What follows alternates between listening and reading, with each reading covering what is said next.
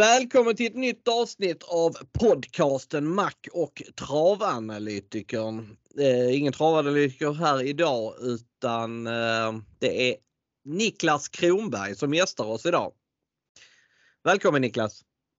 Tack så mycket Marcus! Eh, det ska bli spännande att få vara med igen. Och, eh, det händer ju ibland att jag tittar in och det är väl kul när det händer till eh, Halmstad och Sprintermästarhelgen när man nu inte kan vara på plats. Är snudd på hemmaplan för dig och mig på lördag. Definitivt. Jag har befunnit mig många gånger på plats när det har gällt den här helgen, faktiskt både torsdagen och lördagen. Dock har jag faktiskt aldrig stannat över på Tylösand ska jag, ska jag lägga till. Men ja, det kanske har varit sunt. Ja, Kristoffer får berätta lite mer om fredagens och torsdagens bravader i Tylösand. För han befinner sig där i alla fall denna helgen. Eh, Sprintermästaren den avklarade vi igår och det blev seger för bröderna Djuse. Mattias Djuse tränade och eh, Magnus A Djuse kuskade vinnaren Hassel Rain. Vad tyckte du om, tyckte du om den insatsen? Nej, den var otroligt imponerande men jag tyckte ju faktiskt att det, jag, jag fick känslan av att den skulle vinna faktiskt Sprintermästaren redan i förra starten innan. Eh, då den gjorde en fenomenal upphämtning om jag ska vara helt ärlig. Mm. Jag tar ändå med mig Periculums avslutning. Eh, den var, den var fantastisk. Han eh, var visserligen bara fyra i mål men det var en ruggig avslutning och ett ruggigt intryck över mål. Och sen så tyckte jag även att Daniel Redéns andra häst Santis Harvey såg väldigt fin ut efter en extremt passiv styrning av Örjan. Det, det var kanske inte Sprintermästaren man gick på utan han kanske har ett annat mål än längre söderut om eh, ett par månader. Det var det känslan man får i alla fall vi kan väl säga att det har han ju. För det, alltså Daniel Ren var ju hyfsat tydlig med det i intervjuerna innan att det, att det var ju andra mål som gäller och att distansen kanske inte var den optimala så att säga. Och, äh, det ska bli spännande att se den när vi kommer till höstkanten här nere i Malmö. Jag gissar att äh, den kommer att finnas med på startlinjen när vi behandlar derbyt. Ja, personligen så är det min, min derbyfavorit eh, Samtidigt har vi. Jag såg att han var tredjehandare innan torsdagen till, på de fasta oddsen på, på de olika nätbolagen. Eh, jag tror man fick 11 gånger. Eh, nu har jag inte kollat. Jag har faktiskt inte tänkt på det men eh, eh Får jag 11 gånger efter att vi är färdiga med podden idag så, så ska jag faktiskt lägga en slant på Santis Harvey för det var ett eh, jäkla intryck helt enkelt. Då måste jag fråga dig en sak när vi pratar om det. Det finns ju också ofta platsodds som är fasta. Mm. Eh, vad skulle du rekommendera för platsodds på Santis Harvey? Att man, om man ville gå in och spela den i derbyt så att säga. Oh, det är så svårt att säga. Platsodds på honom, ja vad ska man ha? Eh, 3,50 kanske? Mm. Nej, det är med för jag känner att det, det, kan vara bra. Det kan vara bra att ha det i åtanke för det, det är ändå en bra återbetalning eller återbäring. 3,5 gånger pengarna, det är inte alltid man får det. Det är mycket bättre än bankräntan i varje fall. Ja, så, så är det ju utan tvekan. Men på lördag, det är den omgången vi ska gå igenom idag och då är det alltså Halmstad och det är jackpot. Eh, uh, ATG säger 48 miljoner i jackpot. Sanningen är, uh, skulle jag säga, att det är 22 miljoner i extra pengar. Uh, det är ganska hög jackpot, eller en väldigt hög jackpot och det gör ju att spelvärdet är högt på omgången. Vi kan väl börja direkt. V751 eh, silverdivisionen 2140 Auto och eh, omgångens största favorit hittar vi redan här i nummer 2 Karat River spelat på 65 ehm, han har ju i stort sett varit draghäst eh, de fyra senaste starterna på V75. Har inte lyckats vinna någon av dessa. Eh, men det har varit mycket otur i bilden. Senast i Tingsryd så var han aningen för sent ute. Till min stora glädje så han eh, betting pacer undan precis då. Eh, Karat River han gick väldigt snabbt till slut. Jag klockade honom här på förmiddagen. Jag hade 7,5 sista 400 meterna. Gången innan så kunde han inte riktigt hålla ut Ridley Lavec första biten. Fick ryggledaren på den och satt fast med rubbet sparat. Sen var fyra starter sen så var han otroligt nära King Shermer i mål. Eh, till din stora glädje så vann han inte den gången så att eh, det har väl varit en häst som han, han har förlorat några gånger på slutet. Ena gången till din glädje, andra gången till min glädje för vi har fått miljonvinster båda gångerna. Eh, men denna gången så tror jag faktiskt att han vinner. Han eh, är startsnabb. Det visade han bland annat i Breeders Crown-loppen i slutet av eh, fjolåret. Han öppnade även bra på vallar näst senast från eh, spår 1 men då mötte han en extremt startsnabb häst i Ridley Lavec. Denna gången möter han inte riktigt lika startsnabba hästar. Det är väl främst Behind Bars och Larry Wood som är emot från början och dessa tror jag han håller ut sida vid sida. Och från ledningen så borde det vara dags för honom. Han har 5 av 5 i spets. Eh, jag tycker att han är en bra spik. Eh, dock så har jag många system på Möllan där vi lägger våra andelar och jag kommer gardera honom på något, något system. Eh, Larry Wood är klar andrahandare. Det ska man kanske tänka på att inte spela med honom som reserv då han vid eventuell favoritstrykning får alla strecken. Det händer att favoriter blir strukna. Det var senast i onsdags då Frank SH blev struken ganska kort in på start. Eh, jag ska vara noga med att sätta ut reserver i det här loppet och den jag i nuläget väljer som första reserv är 7 Charlie Brown FE.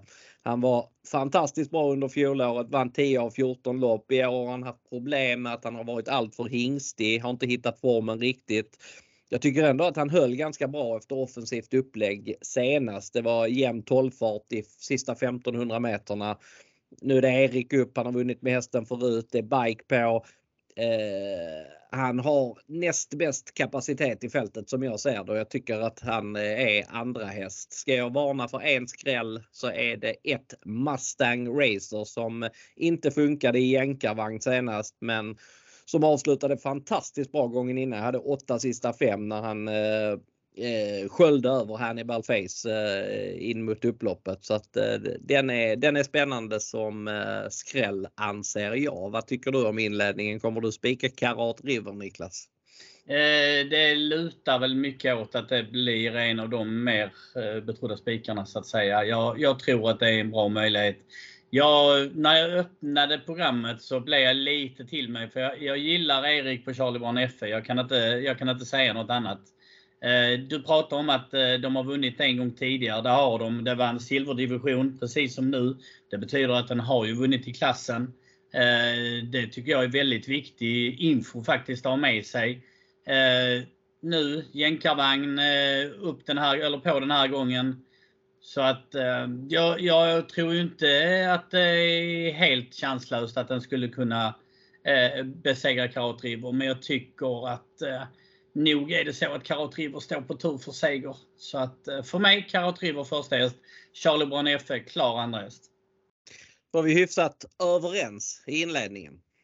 Helt klart. Men det är en grej som jag vill ta där med dig. Du, du sa att, eh, du sa att eh, Larry Wood var klar andrahandare just nu. Hur tänker du om nu Karat River blir struken? Hur tänker du på spetstiden då? Eh, då tror jag, alltså det, det, är lite svårt att säga för jag tror att Behind Bars håller ut eh, Larry Wood från start så som Larry Wood har öppnat i år. Eh, Larry Wood var ju väldigt startsnabb den här vevan förra året när han bland annat var med i Sprintermästaren och gick i ledningen eh, i 600 meter i försöket innan han släppte till Francesco Zet. Men han, då var han väldigt, väldigt startsnabb. Jag tycker att han har tappat lite av den startsnabbheten nu. Eh, dessutom så tycker jag att han är sämre när han laddas från början på just full väg. Det funkar på 1600 men inte lika bra på full väg. Så att eh, stryks Karat River så tror jag väl Behan Bar sitter i ledningen. Och det, eh, det är min favorit till att få ryggledaren så som loppet ser ut nu för att Mustang Racer är tyvärr inte speciellt snabb från innerspår. Nej, nu lär den ju inte stryka så vi kan väl tänka på också att det är det är hemmabana Untersteiner den här helgen brukar det gå väldigt bra för Untersteiners eh, just i Halmstad. Så att eh, ja, Karot River är vi väl överens om att det är, det är en sund vinnare. Absolut. Men då går vi vidare till V75 2.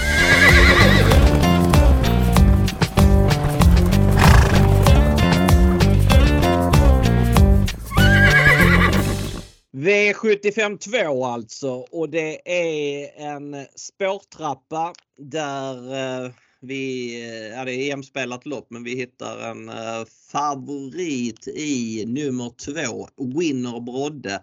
Här har alltså Untersteiner tre betrodda hästar. Förutom Winner Brodde så har han även Eh, fyra Tears in Heaven och 10 Denkos Galliano. Eh, jag satt och lyssnade på, live, på livesändningen idag från Halmstadtravet och då frågade de eh, Peter Untersteiner om eh, stallets bästa chanser.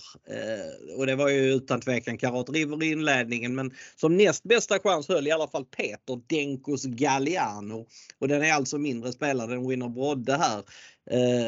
Han var väldigt intresserad av den hästen. Han tyckte att den hade tagit loppen mycket bättre eh, numera än vad den har gjort förr och eh, han hade kört den i jobben och häst kan inte kännas bättre än vad han gjorde i det jobbet. Så att eh, eh Denkos Galliano är nog tidigare än Winner Brodde tror jag. Dessutom så kan jag tycka att startsnabbheten på Winner Brodde är aningen överskattad. Jag tror att stallkamraten Tears in Heaven är snabbare ut. Så att skulle jag ranka Untersteiners tripp trio här så eh, rankar jag Winner Brodde tre av, av, av dessa tre. Eh, vem jag rankar rätt av Tears in Heaven och Denko Scaliano det är jag ännu inte riktigt klar med.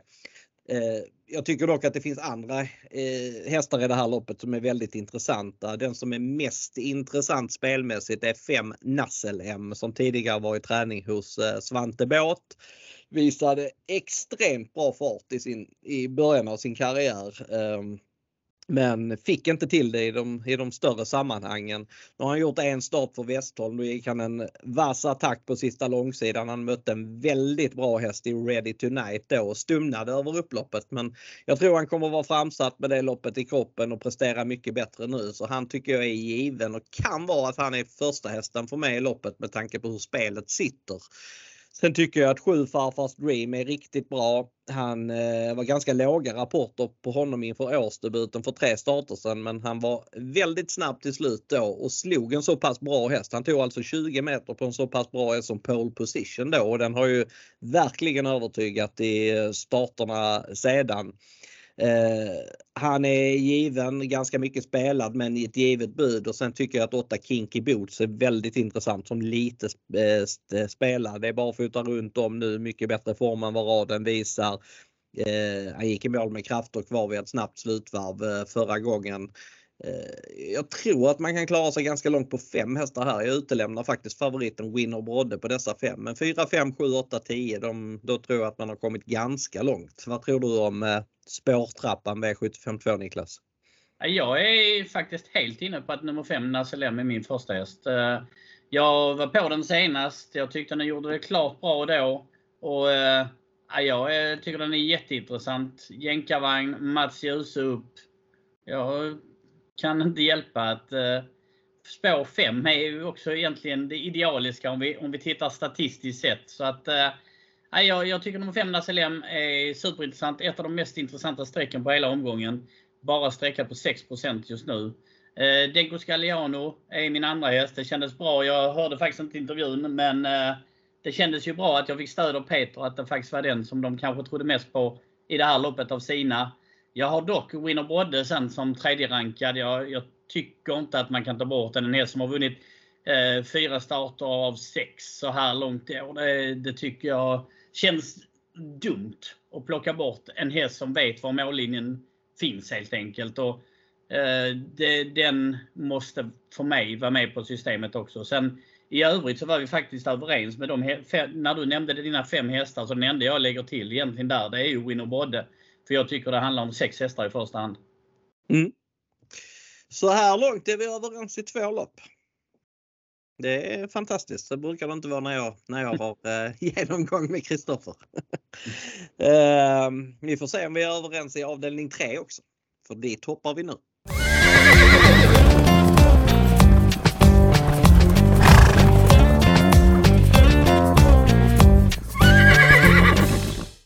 V75 det är alltså bronsdivisionen och det är 2140 Auto och eh, ganska stor favorit nummer 12 Smile Silvio 40% av insatserna. Eh, honom var det ju lite all in på förra gången när det var en massa ändringar med barfota, bike och hej och hå. Eh, och eh, han eh, vann på 11 och 2 full väg. Det är svårt att ha några synpunkter på det men han tappade travet sista biten, hoppade efter mål, eh, har pausat efteråt och är åtgärdad under uppehållet så att jag har svårt att tänka mig att han kommer vara lika bra denna gången som han var förra gången och nu har han dessutom gått upp två klasser. Så att eh, det här är en favorit som jag tycker att man bör gardera. Likadant som i avdelningen innan så är jag inne på att man kan sträcka fem hästar här och jag tror att man har väldigt bra chans att klara sig då. Eh, formhästen i loppet är väl ett Draupner. Eh, han har gått eh, väldigt många bra lopp på slutet. Nu har han spår 1. Eh, han hade det i höstas. Eh, då öppnade han okej, okay. fick ryggledaren bakom en snabb häst i form av Blackfire men han var det var lite maxplacering om jag säger så. Att eh, det, det, är inte så att han med den startsnabbheten får ryggledaren varje gång.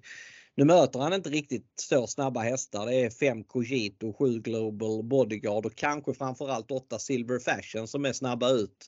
Men eh, Får han ett bra lopp på innerspår och det klaffar så, så tror jag att han har eh, en god möjlighet. 9 Grappa Boy, den har också väldigt bra form. Hoppade bort en eh, andra plats efter en dålig styrning sin, signerad Gustav Johansson näst senast. Eh, eh, gången efter så gick han bra i ett långlopp eh, även om det ebbade ut lite sista biten. Men han är vass med rätt resa och får han en sådan så kan han vinna. Två Isos Isu tycker jag är tidig. Eh, loppets roligaste drag tycker jag är nummer 5 Cogito som i tre av sina fyra senaste starter har haft bakspår. Han är snabb bakom bilen och extremt mycket bättre i spets. Han skulle kunna skrälla från ledningen här till 2% så att den sträcker jag gärna och tidigt. Eh, vad tror du om bronsdivisionen Kronberg? Ja, jag, jag är, vet ju att både du och jag, vi har ju följt den här Draupner en hel del, men jag har Draupner som tredje häst den här gången. Jag tror faktiskt, eller jag har rankat upp eh, Grappa Boy som första häst. Jag tycker att eh, den, den var bra senast, även om det blev lite eh, stumt till slut. Så jag tycker att eh, det ska vara en, eh, en bra möjlighet helt enkelt. För det är inte så att jag upplever att motståndet skräck, avskräcker. Så att för mig, nummer 9, Grappaborg första häst. Smile Silvio är såklart tidig, men spår 12, det, det, är inte så att du vinner på beställning.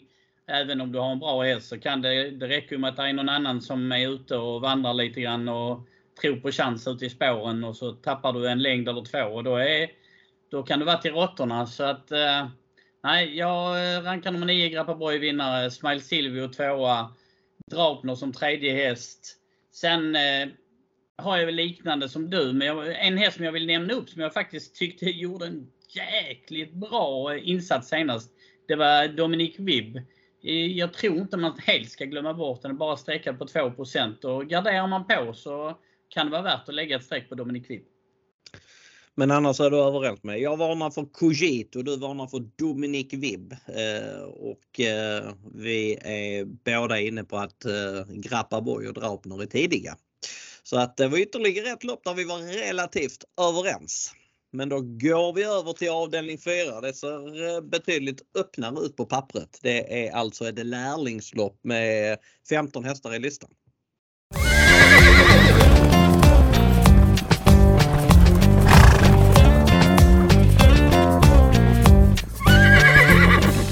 V75 4 det är alltså ett lärlingslopp och som jag sa precis, det är 15 hästar i listan, ingen struken och eh, även här har vi en ganska klar favorit i nummer 4, Emir, sträckad på 32% Det här är alltså en halvbror till självaste Maharaja så han har haft eh, ögonen på sig under hela sin karriär kan man säga. Eh, någon, någon Maharaja är det definitivt inte men han är väl eh, ganska kapabel har dock haft lite problem med stilen. Jag tyckte att det såg bättre ut än senast på Rättvik men sen tyckte jag att det såg sämre ut senast igen på Valla och han felade faktiskt som slagen. Nu är det planerat barfota runt om första gången med den balansen.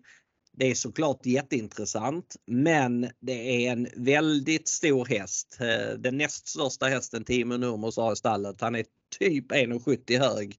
Det kan bli svårt att komma iväg från ett fjärde spår. Han har inte sett osäker ut i volten men däremot så har han inte varit snabb så att det känns som att han kommer vara sist ut av starthästarna. Och sen tycker inte jag att han är någon given vinnare. Ja, han, det får hända grejer med barfota för att, eh, för att han ska vara bäst här så att säga. Eh, jag tycker det är ganska givet att ranka nummer 13 Dutes etta. Den eh, kollade jag faktiskt upp i Italien innan den började starta på svensk mark och tyckte att den var bra. Framförallt var den en snabb häst men den var startsnabb bakom bilen och ja, såg ut som en vettig häst. Stod ändå 25 gånger i första starten. Då kördes den snällt på innerspår. Ryggledaren på, ryggledaren på eh, Tears in Heaven och eh, eh, spurtade bra bakom denne. Sen har de bara radat upp bra insatser faktiskt. Avslutade 10 sista 8 senast och det var vass avslutning i bra gäng på Bjerke innan dess. Eh, Eh, Barfota fram har varit uppåt på slutet. Det som oroar denna gången det är väl voltstart. Han har inte startat i svensk voltstart tidigare. Men han har springspår. Han borde komma iväg vettigt och sen eh, strular det inte allt för mycket så tror jag att han har bra chans. Och det kan vara att jag spikar mig ur detta loppet på någon kupong och då tycker jag att Dutes är den som har bäst chans i loppet. Men här vimlar det av intressanta skrällbud. Eh, jag vet att det kommer bli jättedrag på sju budets Olof. Han eh, inledde väldigt bra förra året. Han mötte eh, riktigt bra hästar några gånger faktiskt och matchade dem väldigt väl. Sen fick Niklas Westerholm lägga ner som tränare och då flyttades hästen till Victoria Berntsson som var skötare till hästen tidigare när hästen var hos Westerholm i träning där första starten för henne, det var ingen hit. Eh, han blev alldeles för het den gången. Sen har han gått lite bättre efter vila. Eh, han var aningen för het näst senast också men lugnare i förra loppet och gick ganska bra i skymundan. Jag tror han kommer komma iväg bra från springspår. Jag tycker att han är tidigt i 4% Nu är risken att det kommer dubblas och då försvinner en hel del av värdet. Så att, eh, jag tycker att det finns andra hästar i loppet som faktiskt är mer intressanta och då kan jag nämna springspårskollegan 6 Infinity Bellessa. När jag såg startlistan så var jag väldigt inne på henne. Eh, hon eh, gick väldigt bra förra året. Hon var bland annat tvåa i en start på Valla bakom Gulagong Set och den gången så slog hon Destiny FF som imponerade stort när den vann V75 igår för eh, Alessandro Gocciadoro. Så att eh, Infinity Bellessa har också mött väldigt bra hästar. Var tvåa bakom Targaryen förra gången. Spurtade väldigt bra då starterna som jag har nämnt på Infinity Belessa, båda de starterna har det varit jänkarvagn. Totalt har hon gått tre gånger i en sådan. Nu måste det bli vanlig vagn. Det är ett minus. Dessutom så tappade jag lite, lite av känslan eftersom jag så har sett att hon kan inte öppna någonting i voltstart. Men klaffar det så tycker jag inte att hon är sämre än någon av hästarna på start i alla fall och till eh, under 3% så tycker jag att hon är sträckvärd. 11 Gilmore Trott tycker jag är en bra häst. Den tycker jag också är intressant som lite spel, spelad. Samt nummer 10 Global Duty. Den tycker jag också är väl bortglömd. Men det är ett öppet lopp så spikar jag inte Dutte så kommer jag nog gardera ganska så vilt här. Hur kommer du göra med favoriten Emir Niklas? Eh, jag är inne som du att det är en stor häst och fjärde spår. Det går inte att, att gå på en sådan häst när, när, när den inte har så jättemycket rutin än. Och det, det må vara att den inte ser ut som den kanske ska kasta sig i galopp direkt. Men när du kommer till de här stressade situationerna så, så är det ju en helt annan sak. Och, eh, det är ett lärlingslopp. Det kan hända mycket. Jag, jag kan säga att jag tycker det är faktiskt en väldigt svag favorit. Eh, jag menar, tittar du, tittar du på härstamningen, ja visst, men det är ju så att den, den springer ju inte på härstamningen utan den springer ju på sin egen klass. Och, eh, jag, jag vill säga den levererar en riktigt bra prestation från spår 4 för att jag ska ranka den som etta. Sen har jag dock med den där uppe. Den är tredje rankad men, men äh, jag, för mig så är den här som jag väldigt tidigt tar och garderar som sagt. Eh, nummer 13 som du var inne på, Dutes, eh, har gjort det jättebra tycker jag. Och, eh, varit ute i tuffa gäng. Eh, Viktor Roslev sitter upp och det är klart inget negativt i det. Jag tycker dock att Global Duty för mig är första hästen. Bara 5 det tycker jag är ett fynd. Jag tycker att det är en häst som är klart underskattad i det här, i det här loppet. Och, äh, jag, jag tycker det är en häst som känns mycket spännande. Eh, äh, om man kan få vänta och avsluta sista biten. För då, då kan vi få se om Global Duty kanske är först i mål. Mm. Men svårt lopp. Du, eh, ja, vi hade inte samma tipssätta här. Eh, men eh, vi är i alla fall överens om att det är en svag favorit i lärlingsloppet. Men då tycker jag vi hoppar över till avdelning 5.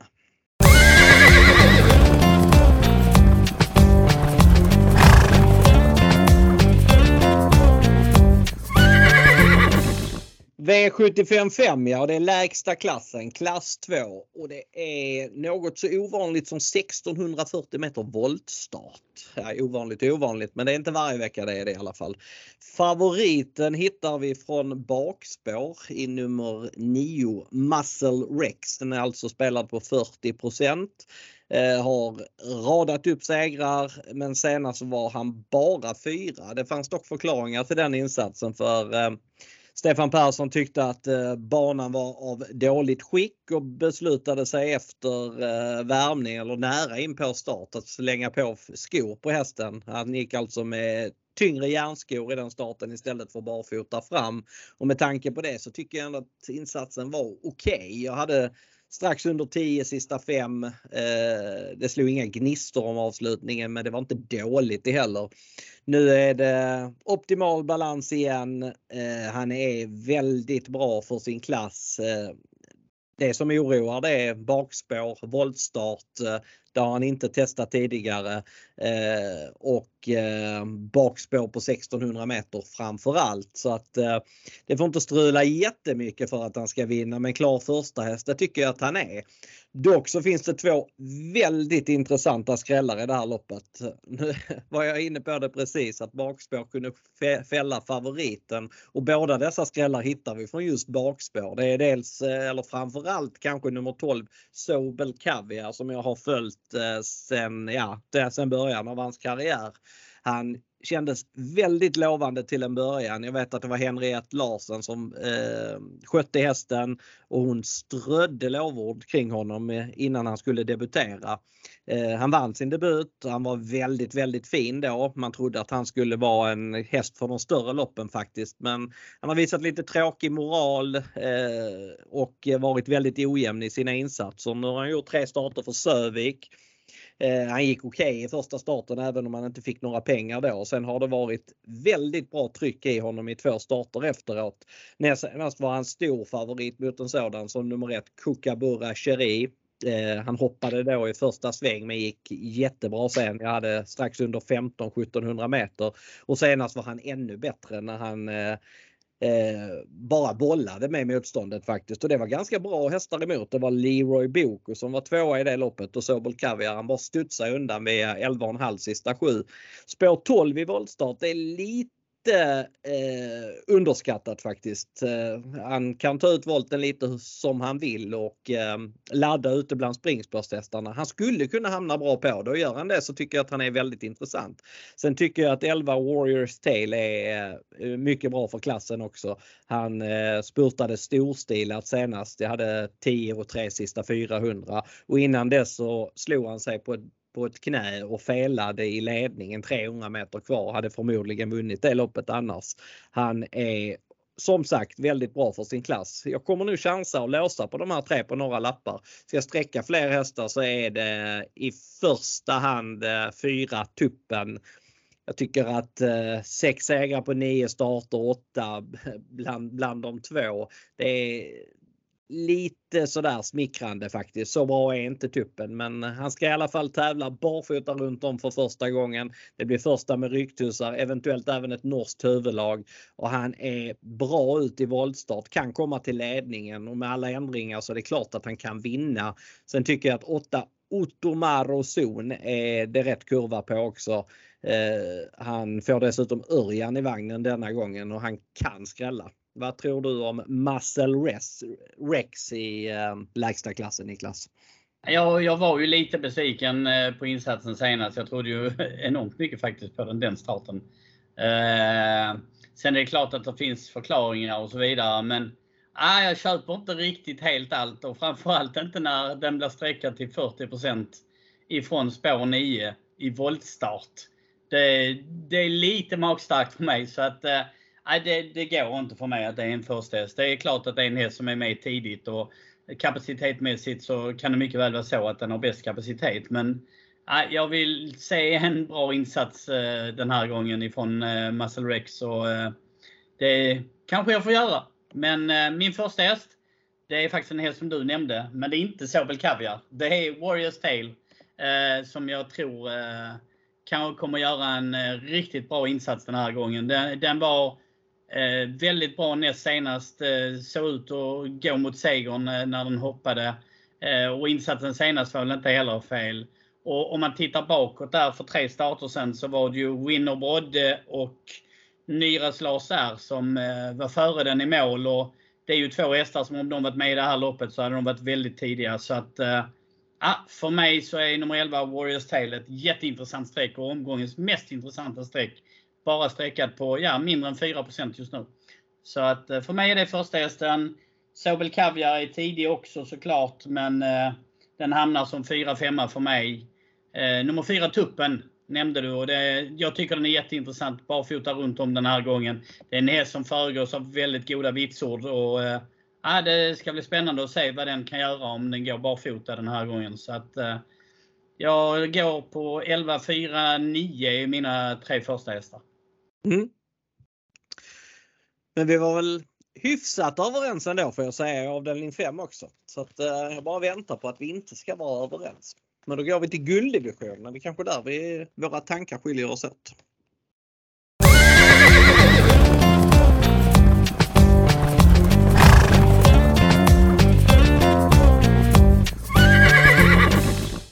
200 000 kronor till vinnaren i gulddivisionen. Men jag måste säga att eh, fältet är väldigt bra ändå. Framförallt för eh, för att det är sommar nu och väldigt många lopp med högre prispengar. Då brukar det inte bli så jämnt och bra som det är i veckans gulddivision. Det är 1609 meter och det är eh, såklart autostart och favoriten hittar vi från eh, spåret längst ut på vingen i nummer 8 Önas Prins spelat på nästan 40 han eh, kommer ju från två starter i Elitloppet eh, där han, ja, han var fyra i finalen men man får väl ändå säga att han var sveken en del. Han eh, såg framförallt inte lika bra ut som han har eh, kunnat göra innan och det tycker jag inte att han gjorde heller på Charlottenlund utan eh, där gick han, han gick en väldigt bra tid.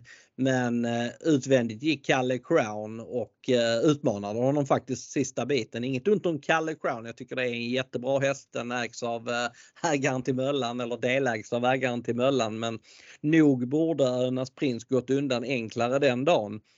Eh, nu har han haft en paus. Eh, Nordström är helt inne på att han har inte 100% i form. På en 10 gradig skala skulle han bedöma formen till 8.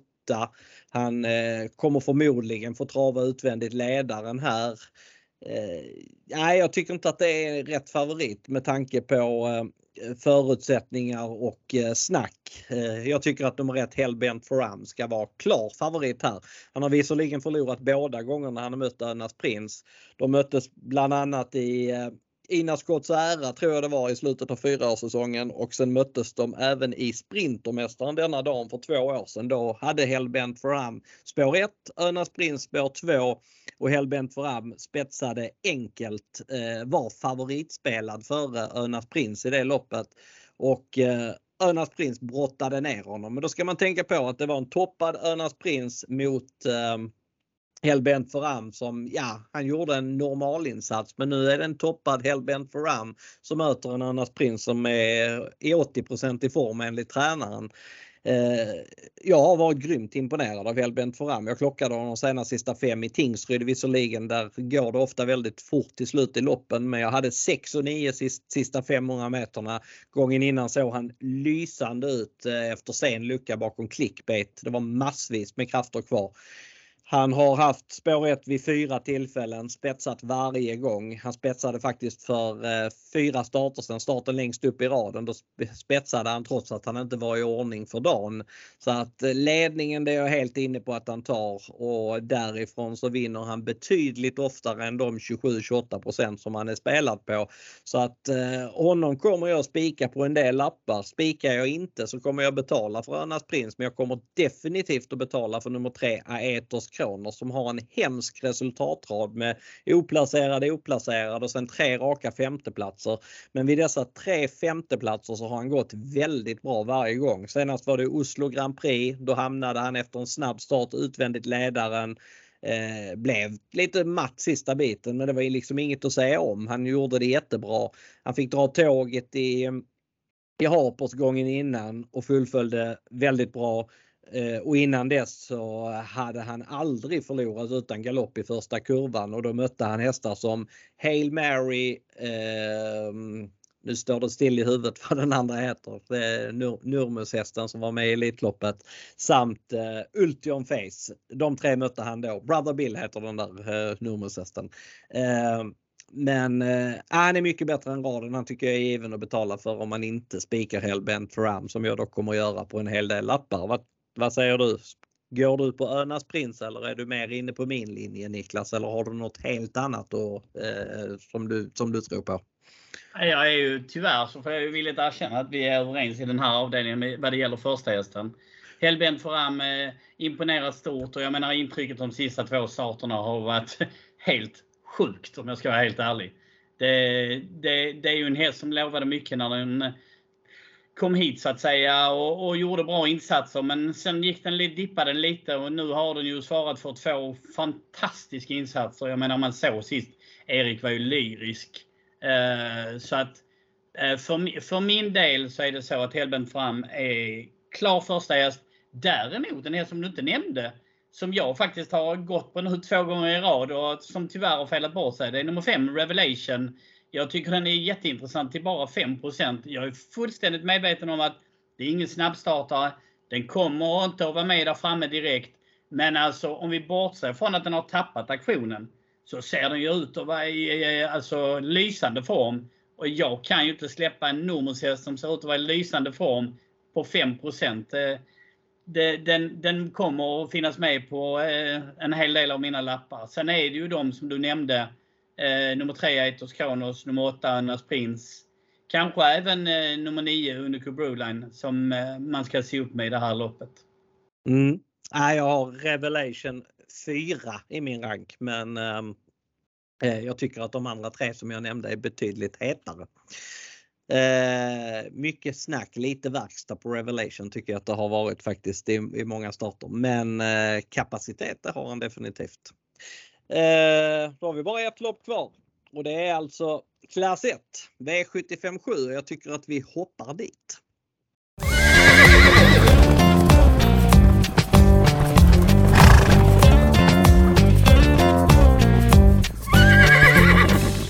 Då är vi framme vid avslutningen V757 och kanske det loppet, eller jag ska inte säga kanske utan helt klart det loppet som jag tycker känns mest öppet på förhand.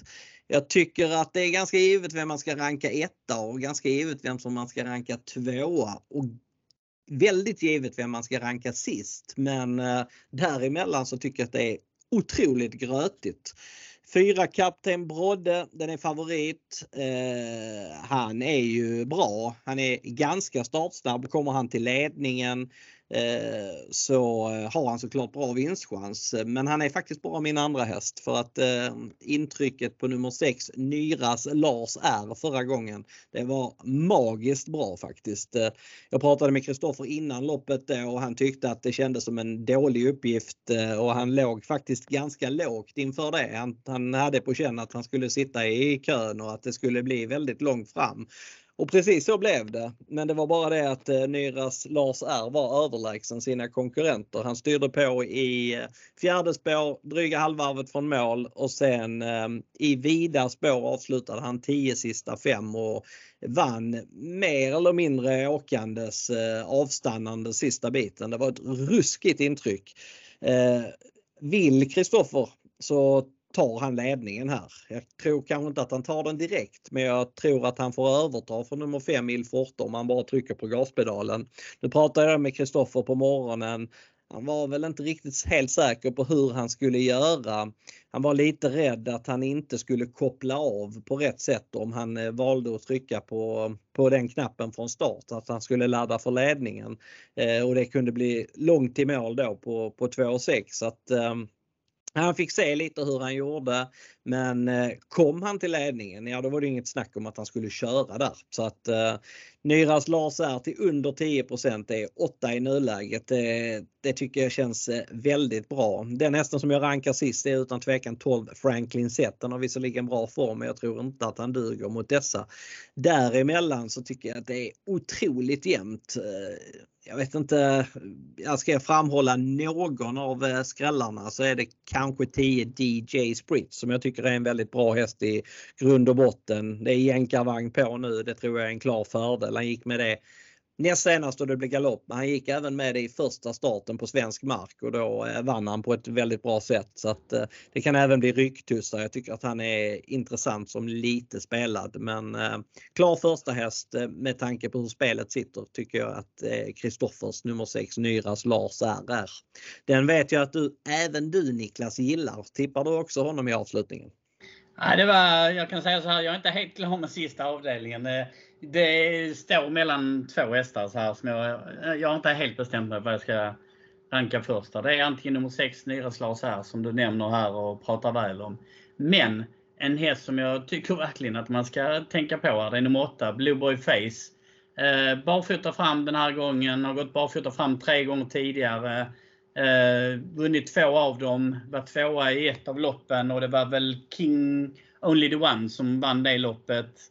Ehm, jag tycker att den är klart intressant och det är en häst som jag vet att de håller högt i stallet också. Så att eh, ja, nu med Platinum struken så kommer den ju ner lite grann här och jag, kan, jag känner ju inte att det är ett jättestort minus med spår 8 på 2640 om du bara kommer ner någorlunda. Så äh, lite eh, halvintressant till 10% Men som sagt, jag har inte helt bestämt mig för om jag kommer att ranka nummer 6 Niras Lars R eller nummer 8 Blueboy Face eh, som eh, vinnare här. Jag kan säga att de har faktiskt mötts en gång tidigare och då var det faktiskt så att Blueboy Face eh, var mer betrodd och också gjorde en bättre insats såklart. Mm. Men bakom där så är det väl Kapten Brodde. Den har ju bästa tiden på långdistans. Det ska man inte nonchalera. Nummer ett Kaxigin är väl också en häst som ska vara tidig, tidigt med här. Eh, fick ju lite serverat senast när den kom, eh, när den kom till ledningen och, och gjorde det riktigt bra då. Såg faktiskt jättefin ut. Men, ja, och sen ska man väl nämna en sån som nummer 11, Jim Baranzon också tycker jag som eh, tycker jag går från klarhet till klarhet. Och, ja, det är nog en häst som man inte heller ska nonchalera i det här loppet.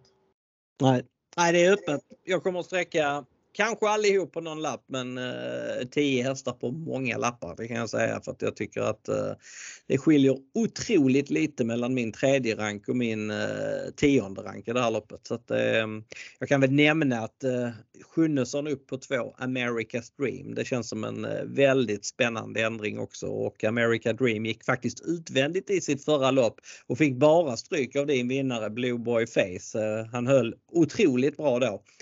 Sjunnesson istället för Axel Jakobsen. Inget ont om Axel men uh, han har varit med länge i gamet och uh, kör, kör väl fortfarande helt okej. Okay, men jag tycker att Sjunnesson är ändå en, eh, en klar fördel. Så att, den kan jag väl också nämna om man ska hitta skrällar här och det, det känns lite som att det kommer komma en skräll i avslutningen. Ehm, ja, vad tycker du om omgången som sådan Niklas? Det är risk för favoritseger i avdelning 1 men eh, sen ser det inte riktigt lika enkelt ut va? Nej det gör det inte. Jag, jag tycker det, är, det, det står väl lite och väger med vissa, i vissa lopp om vi säger så. Det, det kan jag väl jag menar folk förväntar sig väl att det ska kunna hända någonting i avdelning 2 och vi pratar om att det ska kunna hända någonting i sista avdelningen i varje fall. Sen finns det ju några andra lopp som är lite mer svåra kanske eh, att greppa om. Som där du pratar om Draupner och jag Grappa Boy. Det är väl ett lopp som inte är helt lättlöst egentligen när favoriten går från spår 12. Och den är ändå så pass hårt sträckad som nästan 40 det, det, det, känns som att skulle den vinna Smite Silvio då tror jag omgången är rätt halvdöd om jag ska vara helt ärlig. Mm, ja, kanske. Eh, jag tycker ändå att det är några lopp där det faktiskt finns skräll eh, bra skrällchans som typ avdelning 5 där man, där man rankar jag rankar två skrällar högt. Du rankar den ena etta och jag rankar den trea och sen har jag Sobel Caviar. Du har alltså Warriors Tale så att det, är det, jag tror på ganska bra utdelning. Det, omgången är ju dessutom kryddad av en jackpot och 22 miljoner extra i, i sjurättspotten som vi var inne på innan. Så att eh, sexsiffrigt borde det kunna bli på, på V75. Det hoppas jag verkligen. Och... Det, det som är intressant i det du säger där när det är de här stora jackpotterna. Jag vet jag pratade om det en gång innan när vi diskuterade att det är ju att många av de här spelarna som kanske inte normalt sett spelar en sån här omgång de vågar ju inte utelämna favoriten vilket gör att de flesta favoriter blir ju överstreckade eh, för att folk vill inte flyga på en favorit. Eh, så resonerar ju varken du eller jag. Vi kan ju tycka det är spännande och vi kan såga en favorit. Men det, det är ju så att om det kommer folk som inte riktigt normalt sett spelar så, så vill de gärna ha med den där mest betrodda hästen. Och det, det gör ju att i mina ögon i varje fall så blir de ofta eh, lite väl överstreckade. Sen är det som du sa att det är klart, tittar jag på mina första rankade så är de väl streckade nu 65% 6% 8% 5% 4 28% och 10 och det är klart att det skulle den enkelraden sitta så lär det ju ge bra betalt i varje fall. Precis. Men du, jag tackar för att du var med idag. Tack själv Marcus så eh, hörs vi eh, under eh, morgondagen. det gör vi och så hoppas vi att vi hörs på kvällen och kan öppna champagneflaskorna och så hoppas vi att vår vän travanalytikern kan ha jagat fram en massa häftig information till oss också när han nu befinner sig på plats så kan det vara ja. Han hade en intervju har jag hört det viskas om eh, med Stenström och bland annat. Så att eh, den får ni kanske i det här paketet om man nu väljer att, att skicka den. Men det hoppas vi. Så att en intervju med Stenström och lägger eh, vi in eh, no, no, någonstans, någonstans i den här inspelningen. Men eh, än en gång tack Niklas och vi hörs imorgon.